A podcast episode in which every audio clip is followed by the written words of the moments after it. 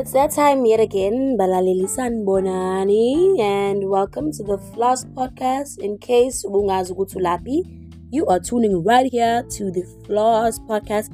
And namuhla anghambi alone. Ngihamba nani? Nendotana yolahleko.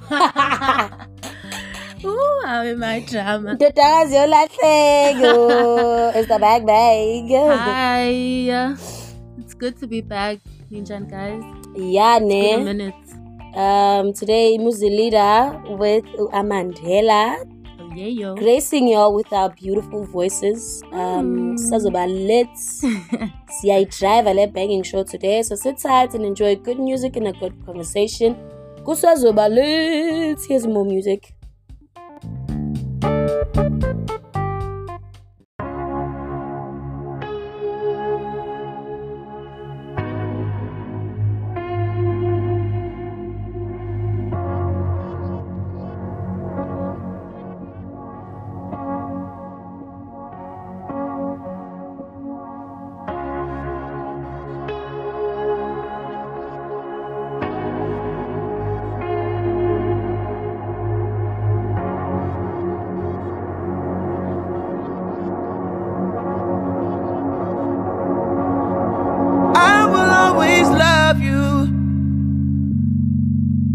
How I do.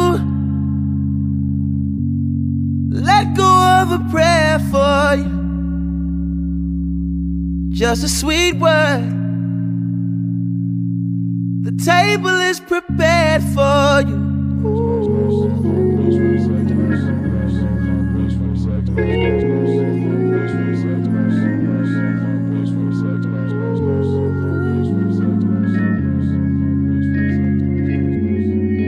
Wishing you Godspeed, glory. There will be mountains you won't move.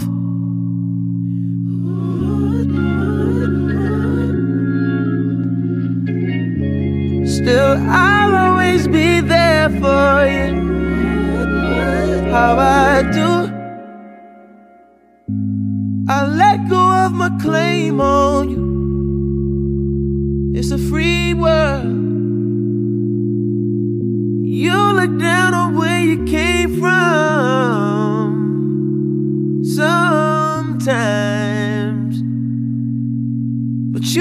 This place to call home.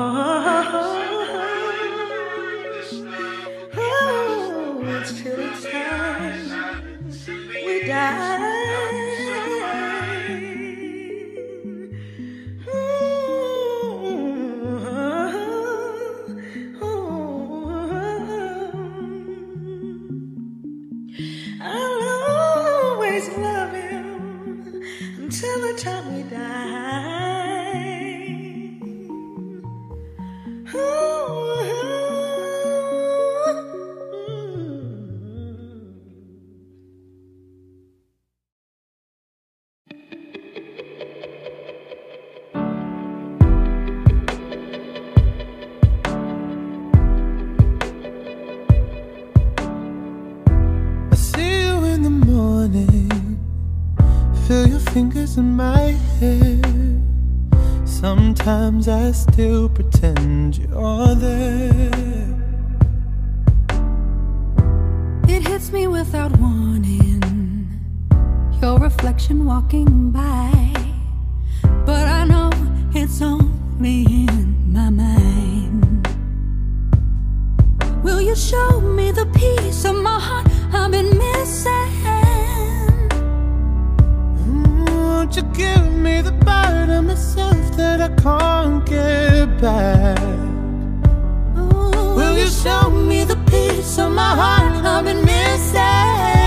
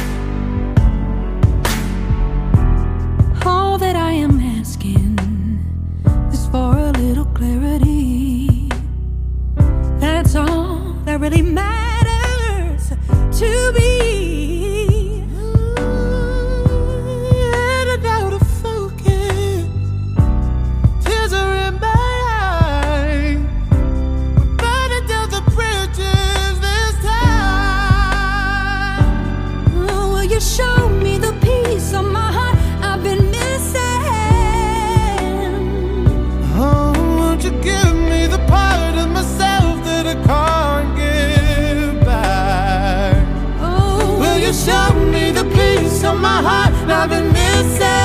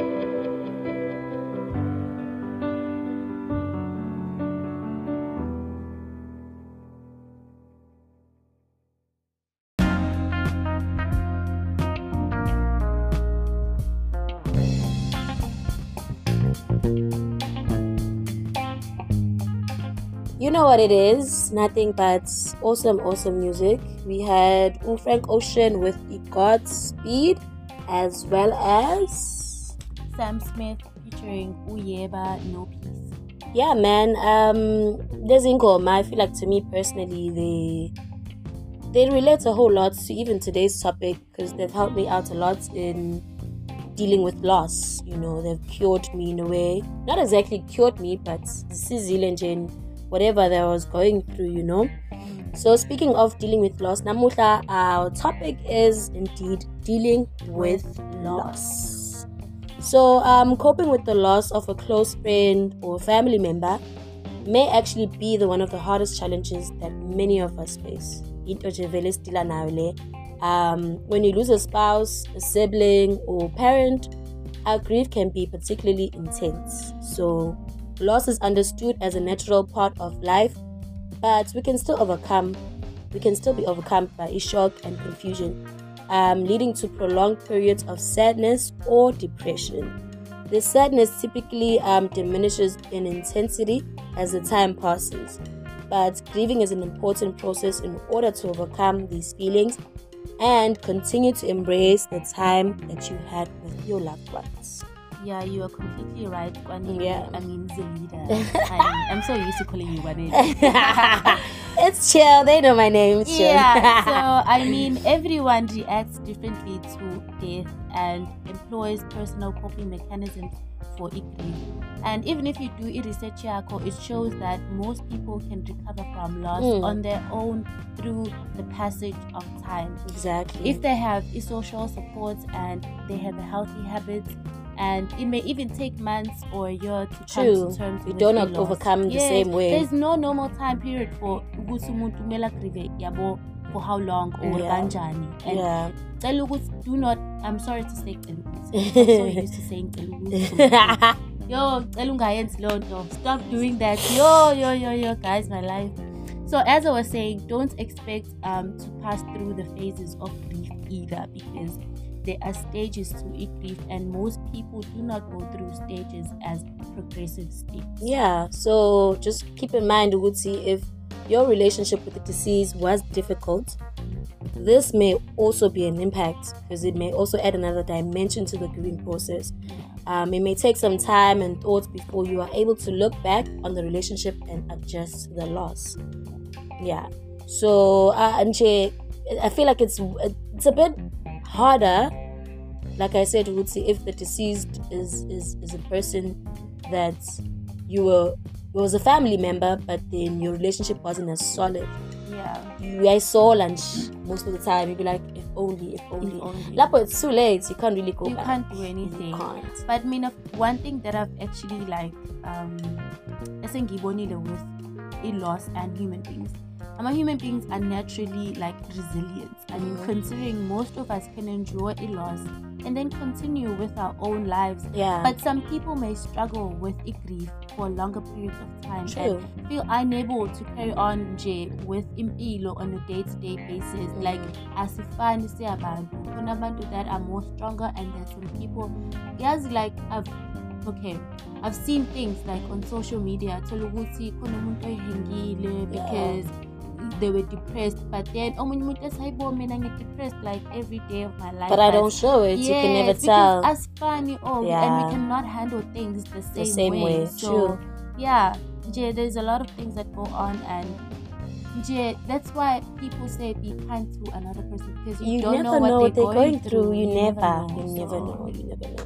I yeah. mean, I would say as Nazis that we we've also went through grief, but then the minute we came back home after losing our mother, Mm. you know, we we, we tried our best ukuthi impilo iqhubeke as much as and you realize endlini ukuthi okay khona into engekho kube kuthiwa khona usibanibani ngabe khona khona isikhala it's not as clean as it would if she was around it's You not yabo khona leyo warmth esuke ishoda There was a huge change. bruh. Yeah. There was a huge, A very change. huge one. Nje, into enga- okay, fine. Yes, our mother was sick, but then when you come to think about it, it was no, she could have survived. She could have been better. Siqhubeke nempilo. See us grow, see our kids grow. Nje, asibone nathi siba uh, like different people, like, yeah or personalities or whatever. But then.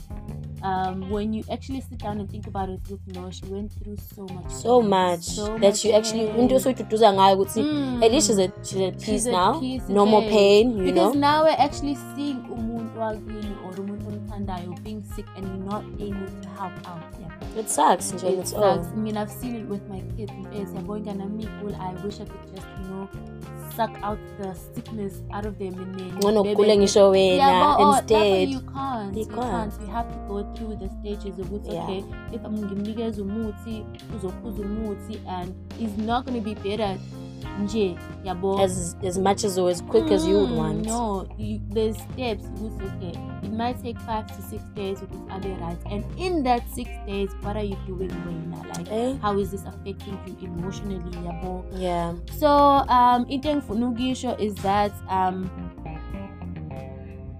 into engifuna ukisho is that um, abantu that that take like longer, longer to to, to overcome a grief, you know, um, they could benefit from usizo from a psychologist or another um, mental health professional. Like True. seek out. we may help. take this lightly but abanye ba-affectewa ngempela Yes, like for real for help, real Seek help. seek help if you feel like it's too much for you to handle seek help because you're gonna end up killing yourself as well Yes, especially my word i feel like nami if you weren't around i don't think i would have survived the whole thing yes and strong Same, same here. and you're strong and stuff but i it would have been difficult i feel it's better if khona omunye umuntu vele nawe ukwazi ukuthi uchithe isikhathi naye and not be alone all the time because when you're alone You vele think a lot. you think a lot Think a lot. Think a lot. Like, what's the use of being here? yeah Yabo. if umuntu ade umthanda kasekho Might as vele well, might as well just follow them Yabo. instead yo So guys, yeah. you don't even need to have money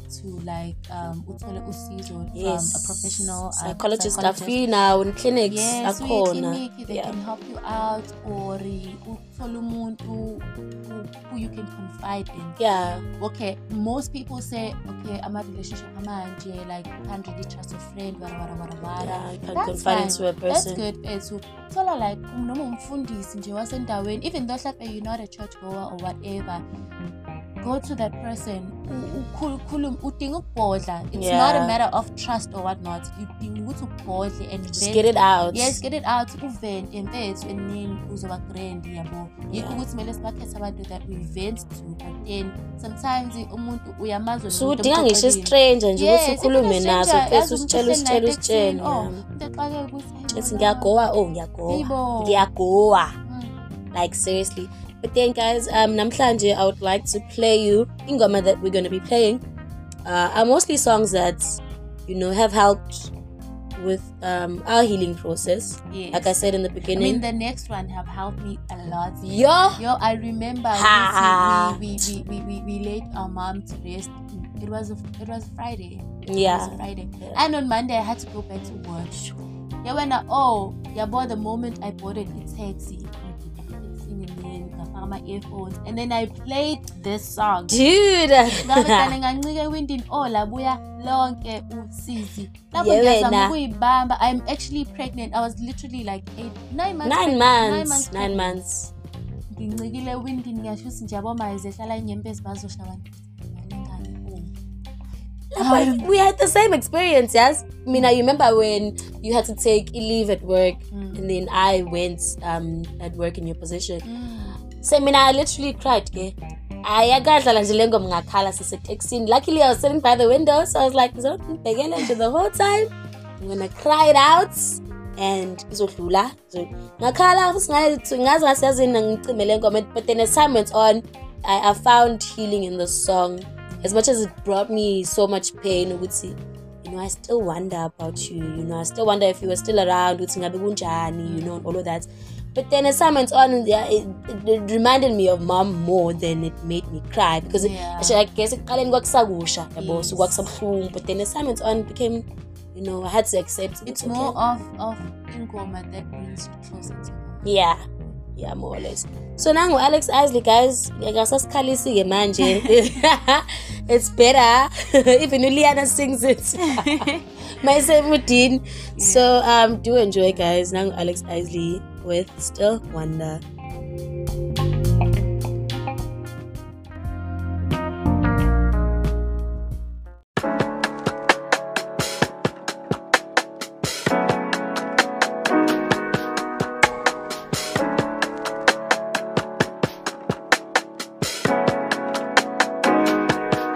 How do I get to the hill?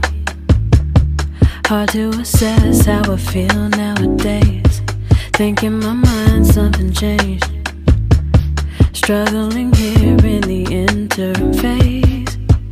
In between self love and the loss of you. Moment in time, and I know the truth. Wrote down just what we were meant to do. It's a hard pill too, cause I still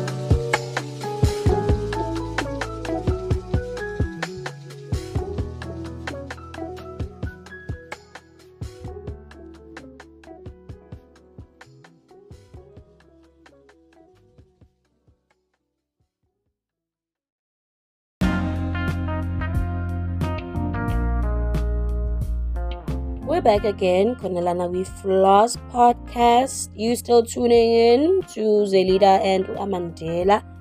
And before that, you had Alex Isley with the Still Wonder. So, still on the topic of dealing with loss.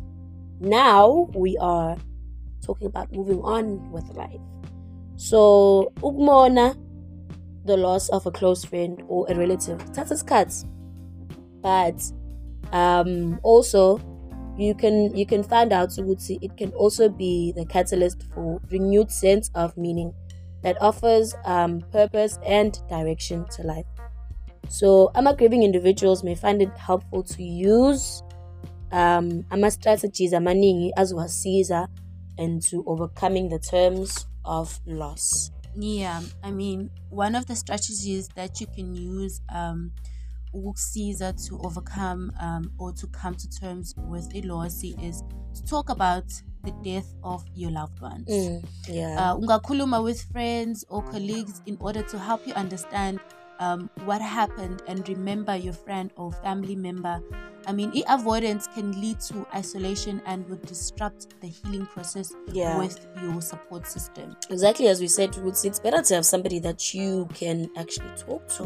Yeah. Do not confide yourself in one space, then you're gonna Yes. it's gonna be too much at the end of the day. You're it, gonna feel like it can be too Yeah. much. It can be. I remember this one time I was at work and my mom was still, yeah, she was still alive. Yeah. Um, there's this guy that came in. Ubaba nje usekhulile. He came in and wayezolungisa his watch. I used to work um, at a watch place, yeah, whatever. So he came in ezolungisa his watch and then lo baba nje he just sat down mfethu on his chair wafane wakhala mm, wakhala bra wakhala lo baba i think he's in his mid uh, 60s mhm. he cried saying panic like i don't know how to approach him. I don't know what to yeah. say because i don't know why he's crying. And then i went i went to him ngam- ngam- ngamthelela amanzi ngaya kuyena mbuza babu right. Wathi hey mntanami? Angikho right. And then i'm like yo what's wrong? Then athi um ulahlekelwe umfazi wakhe. Yo, ulahlekelwe umfazi wakhe in a car accident.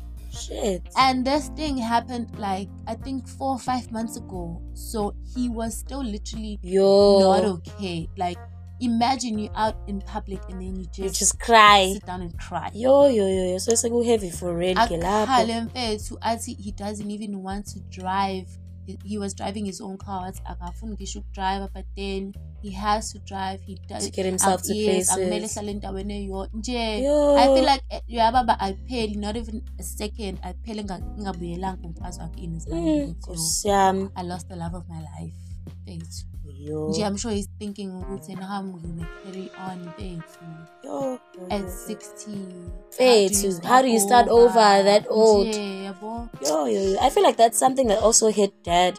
I mean, abantu abesha bethana okay, as much as it hurts, thina siyingane zakho ma, Mm. but a person you're sharing a bed with, yes you still have to go back to that bed and sleep alone. yeah? Everything in the room reminds you of her.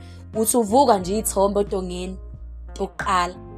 Uthi uyaphenduka empeteni ushawe amaphilo ulele we- yo yo yo yo it must be like really hard. It's It's, not really hard. it's not something that you would wish to anyone. It's uh, Bonji, I've seen even posts on Facebook where abantu fethu aba- abasha they just recently got married and then umuntu passes on like why did uNkulunkulu bengivumelelani to even get married for me to be hurt ngibe yi-widow at such a young age I get got that the worst the worst one is lo muntu wesifazane that was supposed to get married Tuesday umuntu wesilisa passed on the husband. And Sunday the, it had to continue.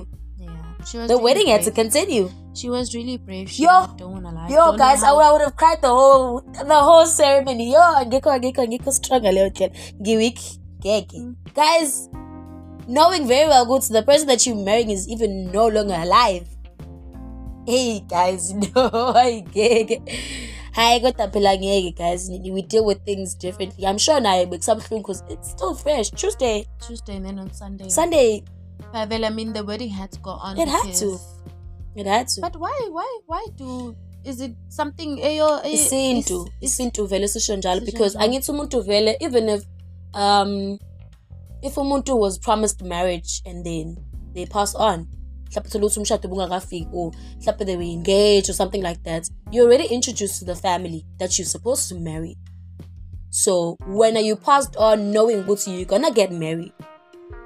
Isiko kusamele liqhubeke. You still have to get married kuba uyashadiswa ngisho usushonile kuyaba nalezi zinto lezi kuthiwa kumele ushadiswe mhlawumbe kuthatha umzukulu kuthiwa hamba ushada nogokwakho yabo into kanjalo yes you have to get married. Kuthi why but isithi sisho njalo. So either way either way whether bashadanga abamshadisanga ugenge ngalolo suku in the long run she would have to get married. Because umuntu vele kumele mase kwakuthenjisiwe nje. I don't know what happened with grad because remember ukuthi ugogo when umkhulu came back umkhulu was like they're gonna get married. Uzolungisa izinto na na na na na na. And then he went away. And then he passed on first. And then oh no it was grand who passed on first. Yeah. Kwakumele ngaleso sikhathi kube na-something that is done ukuthi ugogo eshadiswa because bese kukhulunyiwe indaba ukuthi uzoshada angithi it was supposed to be done. But then kwahamba isikhathi phela ngesikhathi singakanani umkhulu also passed on. So I, I don't know it's tradition or so they say but it's something that is, is supposed to be done. But ngiyam- nga- ngamzwela shem ngezinhliziyo yami iphuka loya muntu wesifazane ngimbona ukuthi eshada and she looked really good. And ngiyamvuma for i-strength sakhe because i did not even see her tear phela kodwa vele ithombe they couldn't have yeah. captured the whole moment but ngiya- isibindi sakhe to actually continue with the whole thing knowing very well ukuthi your husband is no more yo masakhe shem masakhe Too much, man. yeah, Nenango Lewis Capaldi with So Before You Go. Was there something I could have said to make your heart beat better? Do enjoy, good people.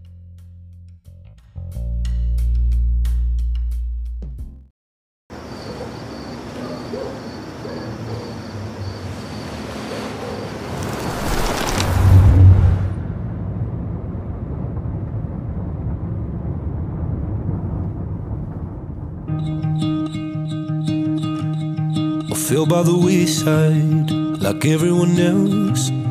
I hate you, I hate you, I hate you, but I was just kidding myself. Our every moment, I started a place. Cause now that they're gone, all I hear were the words that I needed to say. When you hurt under the surface, like troubled water running cold. Well, time can heal, but this won't. So,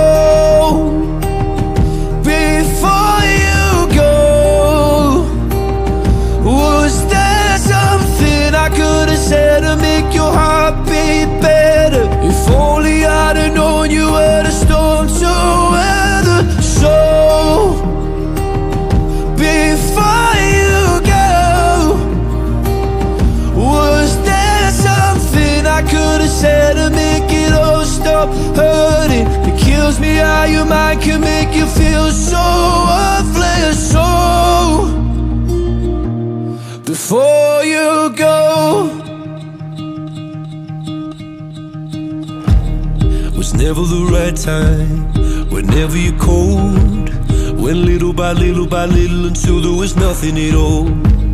Our every moment I started to play But all I can think about is seeing that look on your face When you hurt under the surface Like troubled water can heal, but this won't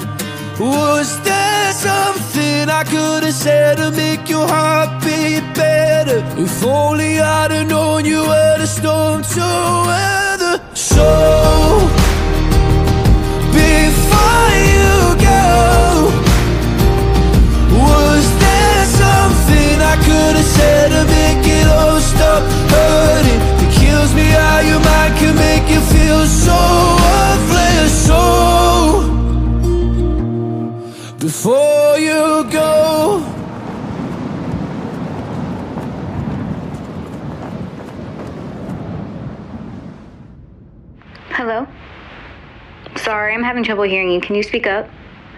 a little louder, I still can't hear you. Ah, just kidding. Leave a message at the beep. At the tone, please record your message. When you have finished recording, you may hang up.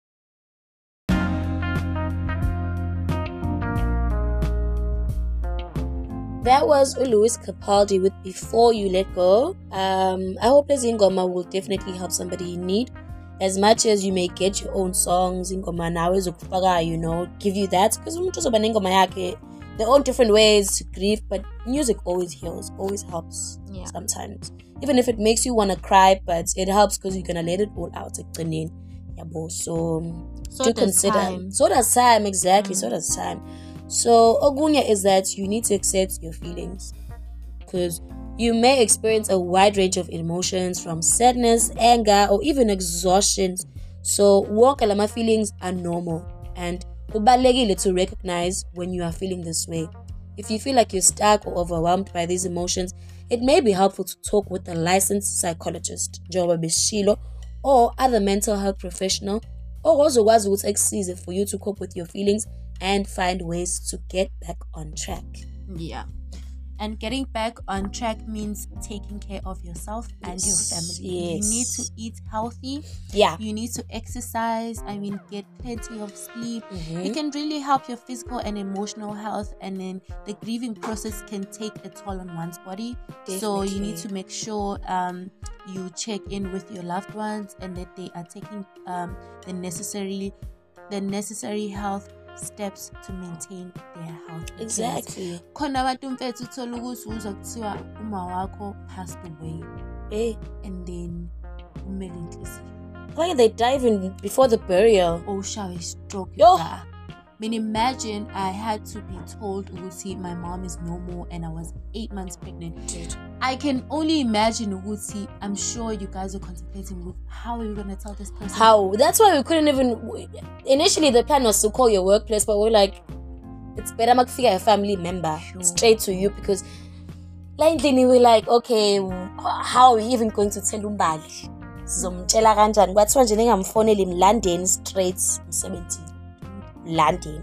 Because we- we- nathi siyabhena because okay, we can't lose two people because we could lose Uma and the baby. What if you get into shock? Mm. Then uthe yamo. Oh, Yeah, guys, kunzima out here. it is. But yeah, we should we should not all, only just think of ourselves. Yes, you're grieving, but think of other affected people as well. Because umuntu enga act strong and stuff, but they're going through a lot. I remember Jubaba was trying to act strong, but then a few days later he was drinking like a fish. That's how he was trying to deal or cope with things, you know. But he he dealt with it the wrong way because it yagcina kumfaka entweni wrong. But then naye wacabanga ukuthi indlela angakwazi ukuthi ehile ngakhona. But then you know it, it sucked in the end ukuthi he got into he was led into a wrong place you know. Yes he was trying to deal with all of it but then first off your mom hated alcohol. Dad used to drink vela before but then he stopped.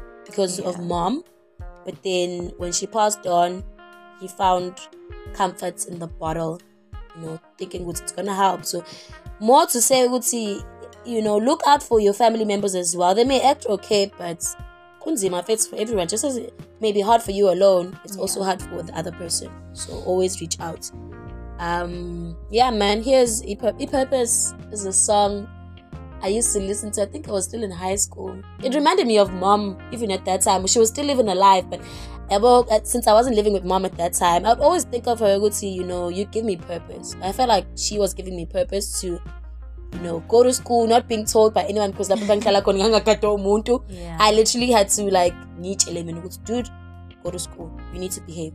I had I had all the freedom in the world, but it was up to me to actually, you know, go forward in life and do whatever that was needed for me to do. So this song gave me purpose in in every way. I could see, remember where you're going. Remember, do not forget. Remember, ukhona umawakhe ekhaya, ukulindile, you know. and whatever you may be feeling, guys, remember your purpose. Yeah, You're not always. just here on earth just for just. yeah, just to live. Mm, Yeah. Remember your purpose in every way. Try to reach it. Pray to God to guide you to your purpose. And know ukuthi uh, uNkulunkulu akakunikezi into that's bigger than you. Yes. As much as it hurts ngathi ungashaya umhlaba ngenqindi eyodwa Yeah, everything but then you must remember ukuthi this will only make me stronger. I mean, to do ukuthi if ever I go through like a rough, a really, really rough patch, I'll be like, Yazin, uNkulunkulu uyangibona ukuthi vele I'm one of his greatest soldiers. He knows I'm gonna survive this. So ngisotsha I mean. Yeah. Sotsha lifela phi? Empini.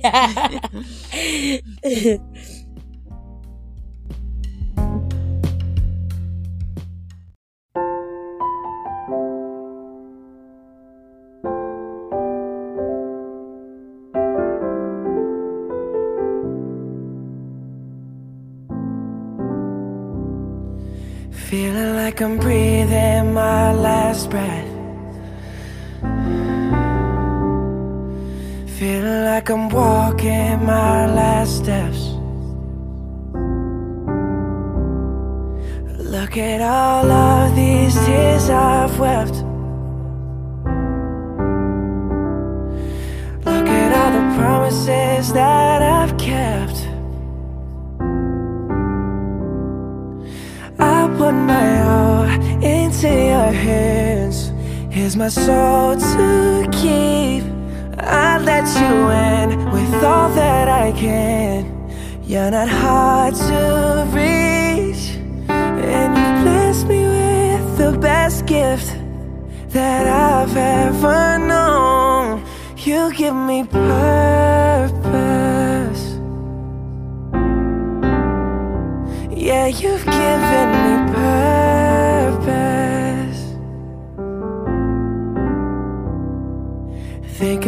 My journey's come to an end. Oh, sending out a farewell to my friends. Far better peace. Ask you to forgive me for my sins. Oh, would you please? I'm more than grateful for the time we spent. My spirit's at ease.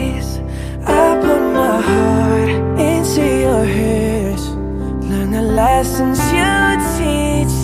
No matter when, wherever I am, you're not hard to reach. And you've given me the best gift that I've ever known. You give me purpose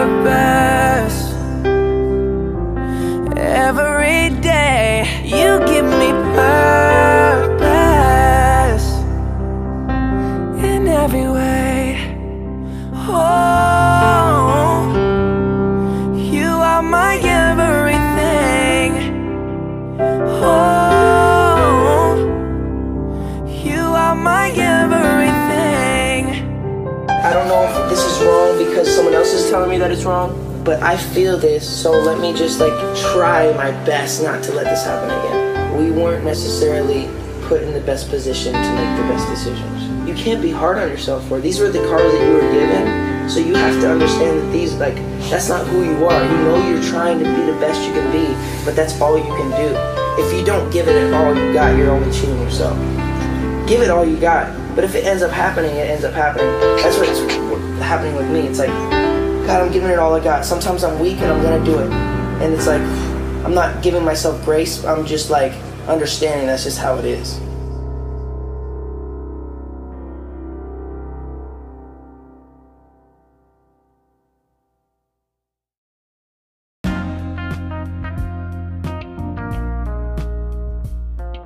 That was ooh Justin Bieber with the purpose. So one thing's for sure, you need to reach out to others. Basize nabo in dealing with loss because I feel like you should remember yourself the day you lost someone, how you were feeling. that you needed somebody. So, spending time with your loved ones, the loved ones of the deceased, can also help, you know, can also help everybody grow, everybody cope. Whether it's sharing stories or listening to your loved one's favorite music, these small efforts can make a diff like a big difference. Yeah.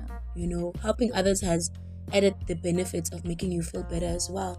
Cassis, one thing that I would like to add as well about, you know, trying to help the family of the deceased is let's remember, let's remember nolimi lwethu. Yes, you're here to help them overcome the loss, but khona ezinye izinto that you're supposed to mind and not say. Yabo, you can't yes, you're helping them grieve and stuff, but me and one thing I know I hated was the fact that I was told to not cry too much. It pissed me off a point see how, how could you tell me not to cry too much? This was my mother. I'm gonna cry and stop when I feel like stopping. Yes, I understand ukuthi isintu sithi mawulokhu ukhala iy'nyembezi zakho they're gonna it's gonna hold them back. But how do I control my emotions? How do I not cry for my loved one ukuthi they've deceased? And I it, it was the same thing as well to to, to my uncle's passing. Um, I remember my cousin was crying and Nomunyu Mama was like, Don't cry. And then she came to me, she was like, I'm tired. I'm tired of people telling me ukuthi I mustn't cry. I was like, Mzala, khala. Khala. This, there's no better time to cry. Khala. Mangumele ukuthi ukhale fethu ukhala because you're gonna hold these these tears inside of you and kuzobanjani. In the long run, uzobusukhala futhi. You're gonna be depressed because you were told not to cry. Khala. I was like, Kala, I'm not gonna tell you not to cry. This was your dad, bruh. Because at the end of the day, you, you're feeling pain. And if you need to, to let it out, let it out. If you want to scream, shout, do whatever. Do what makes you feel good. So It's really sad oh indaba ukuthi I feel like every year thina like her sesiyafihla you know babes. so sucks. it sucks bruh. it sucks imagine we were supposed to remember our mother go August and then our uncle passes away. You like ayibo isithini story? Oh, babes. isithini story? But then ke I guess that's the nature of life. It is what it is. Yeah, no? uh, the only thing that we can do is remember and celebrate the lives of our loved ones. I mean, most of the time, like ama ama anniversaries of our lost loved ones can be a difficult time for friends and family. True. But it can also be um, a time for remembrance and honoring them. Yeah, It may be that yes, ungabakhohlwa, and what you could do is even if you decide to collect some donations to their favorite charity, um, and then or you name a baby after that person, Yeah. or uchalingati in memory, um, what you choose is up to you as long as it a- is it allows you um, to honor that unique relationship in a way that feels right to you because you need to deal with it. At the end of the day, You you, can't bottle it like it. in. It's You not gonna need to help. It's not healthy. It's not healthy. Yeah. Yeah. khona istage sokuthi udile nakho ngendlela yokuthi you're gonna cry and feel sad and whatnot and then there's a time where you need to just learn how to let go Yeah. learn how to let go not of our memories not of what but, But to let go of the pain. Yeah. And The then- loss. yes and be able to like umuntu mumkhumbule umkhumbule in a nice way you know umkhumbule ngendlela right like build a legacy for that person so that you don't forget them like vele it's, it's gonna be hard to forget somebody that you love osedlulile emhlabeni but True. have something that that reminds you of that person you know Yeah, and here's Ukaya Mteto with the collective with Konke Kuyenzeka. amen Hallelujah.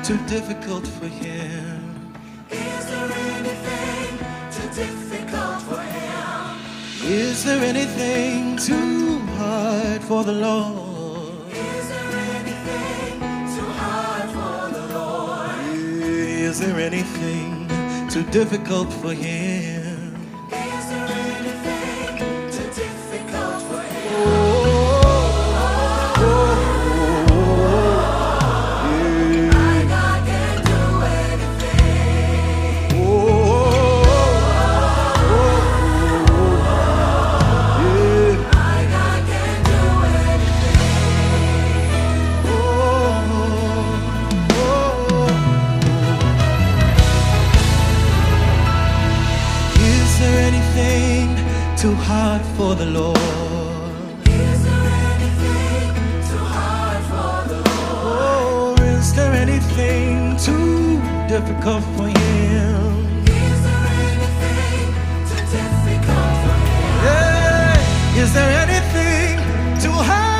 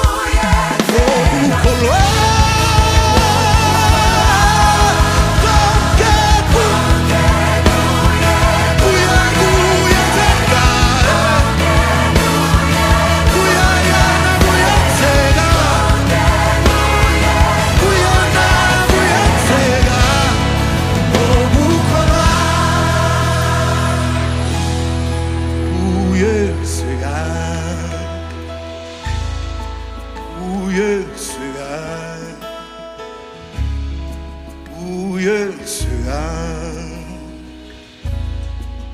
ukukholwa seke seka seke seka seke seka seke seka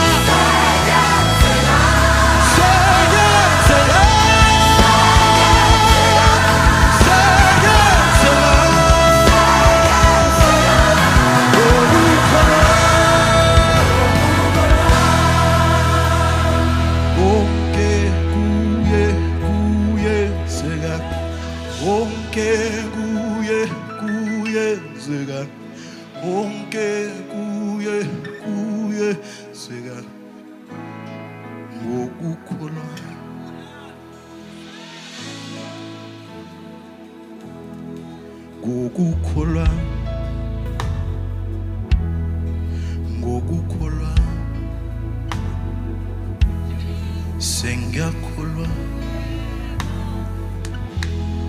Bengakholwa But sengiyakholwa Ngihamba ngokholwa Ngoba sengiyabona. Ngizwi hamba ngokholwa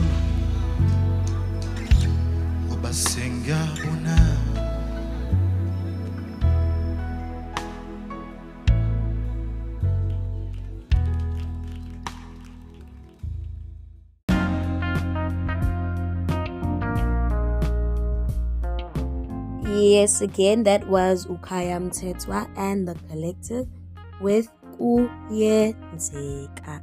Everything is possible, guys. Anything and everything is possible. Um, Gapilega with the loss. Gapilega, but if we feel like it's it's too much, here's how a psychologist can help as well. Because a psychologists are trained to help people handle the fear, guilt, or anxiety that can be associated with the death of a loved one. So if wena udinga usizo dealing with your grief or managing the loss, consult consult a psychologist or other licensed mental health professional. Yeah. I mean, a psychologist can help people build their resilience and develop AMA strategies to get through their sadness. Mm. I mean, practicing AMA, practicing psychologists use a variety of evidence-based tre- treatments. Most commonly, um, psychotherapy to help people improve their lives. Yeah. And I'm a psychologist who have doctoral degrees receive one of the highest levels of ed- education of any healthcare professional. That means Nabo, there's levels of how they can help you out. So you just have to see who see um whatever you're dealing with, kungena kuyipi category so that you know which type of therapy will be able to help you out. Exactly. And how can we close off the show without playing nothing else? Nothing Hmm, else. Dude, I love that song. I love that song. By um So it's nothing else by Gatton. Nothing else will do. I'm caught up in your presence. God, I just wanna sit here at your feet. I'm caught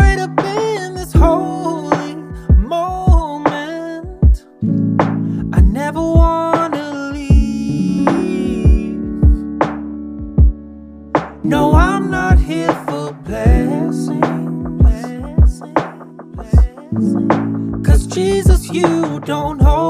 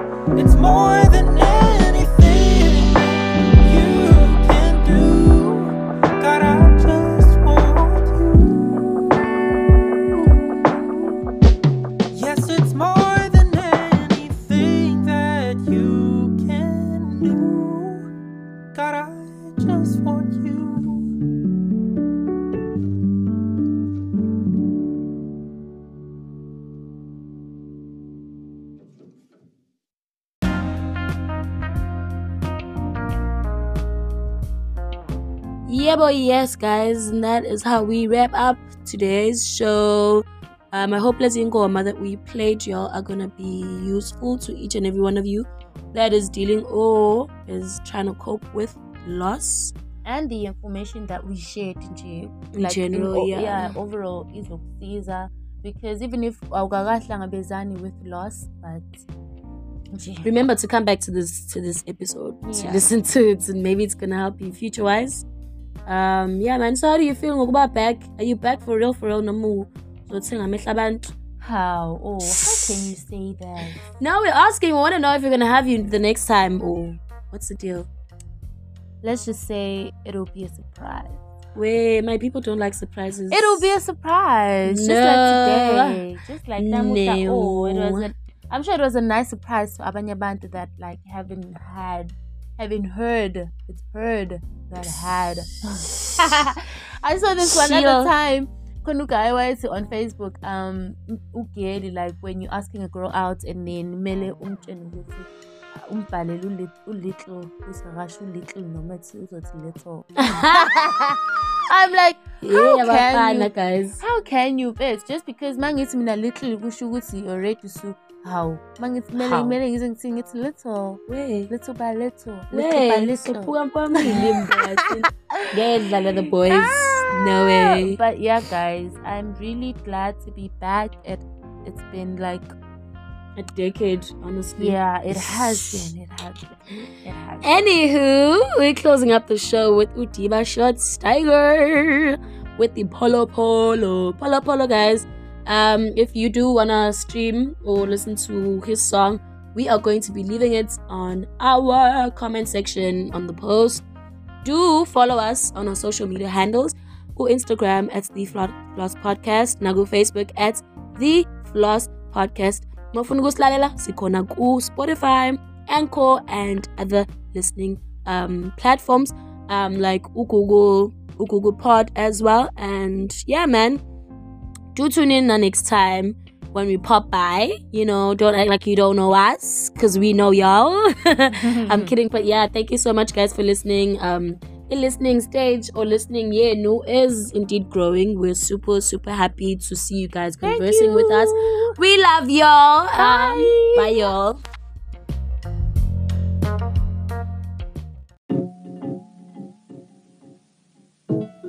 Sandy Polo. Bakuthanda sithanda imali sithanda utshwala sithanda ukujaba singabuye emakhaya sithanda umtsholo sithanda ipolo sithanda imoto ezinamashoni emhlaba. Hluphise weyingane yincubo athi athi babe unochu uze uselokhu enishikishe esu bathi inkwari iqala ngo-two beyisaba deleleni behle emotweni yakho benginelweni aye ngayekeleni laba balaleli athi kuseni ma bebuya akulaleli. Banyanya kabe makuphumila phuthuma umshini baba uphumisa. Banginika isikhulu isinasi hluphisa ibhudi fast. Cha ngeke kulalwe manje sifuna inyama.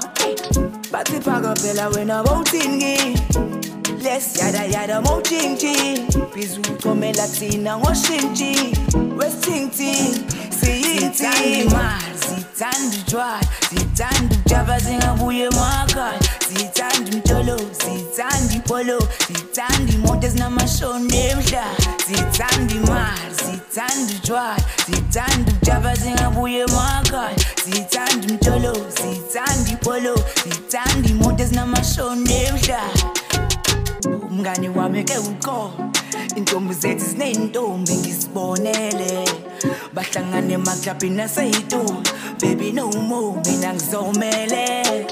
Kunini ngibakhuzi bangehlisa isithunzi bamukisa ney'mpitshi babathi iy'nkunzi ezibagcina ngey'tifi bathamela ithunzi basipholele emabhishi bebi angimindi kodwa angithandi uma ifoni ungasayuba ngithi angimindi ngithandi uma ifoni ungasayuba sithanda imali sithanda utshwala sithanda ukujaba singabuye emakhaya sithanda umtsholo sithanda ipolo sithanda imoto ezinamashoni emhlaba sithanda imali sithanda utshwala sithanda ukujaba singabuye emakhaya sithanda umtsholo sithanda ipolo sithanda imoto ezinamashoni emhlaba sithanda imali sithanda utshwala sithanda ukujaba singabuye emakhaya. Sithanda umtsholo sithanda ipolo sithanda imoto ezinamashoni emhlaba. Sithanda imali sithanda utshwala sithanda ukujaba singabuye emakhaya. Sithanda umtsholo sithanda ipolo sithanda imoto ezinamashoni emhlaba.